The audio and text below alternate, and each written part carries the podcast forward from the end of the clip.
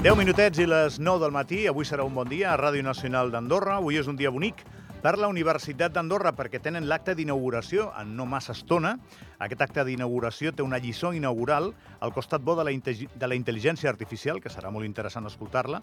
Aquesta lliçó impartida per Anna Freire, enginyera i doctora en informàtica. Dic perquè no, no és evident que algú tingui uh, aquest punt de vista sobre el costat bo, més aviat ens fa por a la majoria, però bé, avui és un dia bonic, és, és aquest, aquest acte d'inauguració, hi haurà el cap del govern, hi haurà la graduació de la promoció 2023 i l'inici, l'inauguració d'aquest curs acadèmic 2023-2024. Li agraïm molt al rector Miquel Nicolau que ens atengui uns minuts a la trucada d'actualitat. Aquesta primera hora de l'avui serà un bon dia.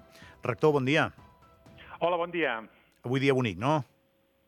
Molt bonic, molt bonic, sobretot perquè és la, la rebuda, la benvinguda dels nous estudiants i també eh, la graduació de, dels que van acabar l'any vinent, que per nosaltres és la culminació, no? És, estem aquí precisament per això, per, per captar nous estudiants, per rebre'ls, per donar-los la benvinguda i perquè durant aquests anys puguin acabar amb èxit els seus estudis. Per tant, és un dia sempre molt bonic.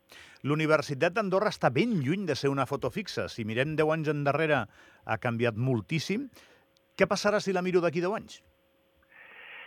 Jo estic convençut que d'aquí 10 anys doncs, serà una altra universitat, és a dir, anem canviant i anem millorant. I és obligat, penseu que cada any nosaltres, la, la generació que ens ve, eh, té la mateixa edat, té 18 anys. I per tant són una nova generació amb noves expectatives, amb noves maneres de fer, de pensar, de ser i de voler estar en aquest món, no? Per tant, tenim aquesta obligació d'anar al dia. Nosaltres anem fent grans, però ells segueixen sent de 18 anys. I per tant crec que hem d'anar canviant, hem d'anar eh, adaptant-nos i, i crec que també té un bon camí per créixer en els propers 10 anys. Eh? Penseu ara que estem doncs, amb el, projectant ja el nou edifici que està en projecte i que és per, precisament per aquesta ambició de seguir creixent i millorar no només quantitativament, quantitativament sinó també qualitativament. I si concretem una miqueta més, rector, vostè que sap més o menys cap a on podria créixer això, no, no sé, penso en alguna carrera nova, eh, que, que es vegi venir, que, que, que ens encaixa, que la podríem fer aquí també? Miri, segur. Eh, jo també li vull dir que avui és un dia també especial per mi perquè és l'últim eh, discurs com a rector. Per tant, jo crec que serà el proper rector o rectora eh, que, és, que entrarà doncs, al mes de maig de l'any vinent que haurà de fer doncs, el, el projecte estratègic dels propers nou anys. Nosaltres vam fer el projecte eh, estratègic per aquests nou anys, que crec que hem anat complint amb, amb, amb força, força magnitud, no, el que volíem fer, eh, però estic convençut que hi ha moltíssimes coses per fer. Ara hem consolidat, per exemple, tot el que són les masses de continuació, que era importantíssim no només per retenir el talent d'aquí, sinó per atraure'n. I com diu molt bé vostè, eh, eh, hi ha moltíssimes possibles situacions que es poden fer al país, sobretot pensant en la conversió també dels sectors econòmics cap a una, cap una eh, economia més diversificada. A més a més, estem en un continu canvi eh, tecnològic també de models econòmics i, per tant, això ens, ens porta el repte de, de pensar què és el millor eh, que podem atraure al país eh, per, per, per, per, per, per complementar el model econòmic que tenim actualment. Jo pensava, i penso sovint, perdo molt el temps, rector, jo, eh, probablement perquè no tinc formació, i pensava, eh, quan fa 100 anys mm, moltes professions eh, veien com arribaven els joves valors, doncs els col·locaven, els ubicaven a molts d'ells en, en l'àmbit de l'aprenent, Uh, després ja la paraula va ser una mica becari, no? L'aprenent, el dia a dia, la transmissió de coneixements de professional a aprenent, això ha passat durant segles, no? Uh, ara la, tot això està molt més reglat, però vostè sap perfectament que si ara enganxem a, no sé, 20 criatures de 14 o 15 anys, moltes ens diran que volen ser youtuber. Uh, això vostè creu que acabarà arreglant-se també, d'alguna manera? A veure, jo crec que tot, Ai. eh, tot, eh, tot acaba, acaba amb, a, a, a, que si hi ha més formació, eh, hi ha més qualitat. És a dir, moltes professions que van sent purament, pràcticament, per afició, per l'art d'anar aprenent, eh, no és que s'hagin eh, reglat, no és el tema d'arreglar, sinó el tema de d'anar creant el, el, el conjunt del, del corpus eh, acadèmic, del corpus de coneixements que fan millor aquella professió.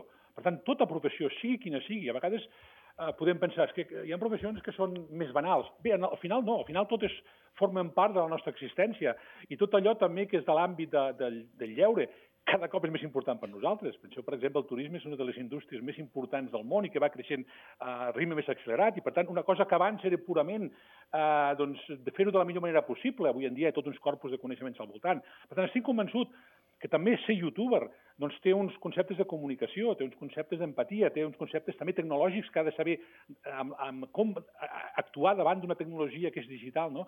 Per tant, tot eh, es pot millorar a partir del coneixement. No sé si això serà una carrera acadèmica, si serà formació continuada, si serà formació professional o si serà una mica de tot. Però estic convençut que totes aquelles noves professions que sorgeixen, siguin de l'àmbit que siguin, eh, es fan millors i de millor qualitat si ens anem formant. I els youtubers es formen, estic convençut que els que estan al capdavant i que tenen més èxits doncs, han, han tingut una carrera darrere i s'han anat formant de, les, de mil maneres. Eh? No només hi ha la formació formal, també hi ha la informal i la no formal, que també és important. Seguríssim, no, seguríssim. A vegades també la generació d'un sector econòmic convida i comporta que al final el sector acadèmic es vagi adaptant. És dir, si hi ha tanta gent que es guanya la vida amb això, doncs al final tu has de donar una resposta perquè lògicament hi haurà, hi haurà una demanda. No? Ja, els canals han canviat i ja hi ha carreres eh, que, que van una miqueta en la, en la direcció de preparar-te cap a la generació de continguts, però crec que encara no hi ha una que, que molt específicament parli dels streamers i tot això. Bé, una pregunta, Miquel, que miri, que caurà en el sac de preguntes, de preguntes que els anys eh, respondran. Vostè em diu, és el meu darrer discurs, serà emotiu. Bé, eh, eh, sí, avui és un dia per mi d'agraïment, eh, d'agraïment. Primer, sobretot, ja dic, com sempre, als nostres protagonistes, que són els estudiants, no? que són els que els que ens, bueno, ens justifiquin a nosaltres eh, per, per, per tot el que som i per tot el que volem ser. Per tant, això és, per ells sempre és el discurs. No? Però és veritat que també vull fer un agraïment a totes les persones que, que han estat al meu voltant, a tots els treballadors de la universitat doncs, que han fet possible arribar on som, i també les institucions, eh, en particular doncs, el govern i el comú, doncs, que també ens han acompanyat, i jo crec que, jo dic sempre, jo em sento molt afortunat amb, amb relacions que he tingut amb aquests nou anys, amb, tant amb govern com amb comú, perquè han estat molt fàcils. Han entès molt bé el que era la universitat, han cregut en ella i ens han acompanyat no només en paraules, sinó també en fets, no? en fets amb els nous projectes que hem pogut iniciar i també en el finançament, que ha estat, ha estat un creixement també important, tant com els estudiants, i a més en moments eh, que han estat molt difícils. Hem passat uns anys Eh, de crisis continuades, no? Potser abans del 2008 pensàvem que això de les crisis ja no vindrien mai més, però renoi, durant aquests anys, no només les econòmiques, sinó també les de salut i altres, no? com, com els conflictes també bèl·lics molt a prop de les nostres fronteres. Per tant, jo crec que sí que és un, és, és un moment per mi eh, de, realment de sincer agraïment, perquè si hem arribat aquí és per la feina de tots plegats. No?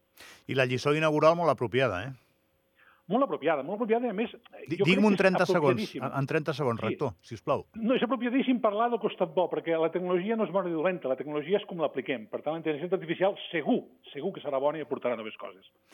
Doncs miri, amb això ens quedem, perquè cregui'm que no tothom ho té clar. doncs com segur que sí. Com També totes les grans novetats. Coses, segur, segur. Rector, eh, que vagi molt bé el discurs. Moltíssimes gràcies per haver-me acollit avui aquí. Gràcies, bon dia. Bon dia. Adéu, Miquel Nicolau, el rector de la Universitat d'Andorra, avui dia important, dia d'inauguració del curs acadèmic. Ara farem una pausa a les 9, curteta, i després ens visita. Ja podeu carregar els vostres dispositius per si heu d'enviar preguntes, suggeriments, comentaris al 368 43 00376 368 43. Ens visita la presidenta del grup parlamentari del Partit Andorra Endavant, Carín Montaner. Aquí, en directe, a l'Avui serà un bon dia. Vinga, fins ara.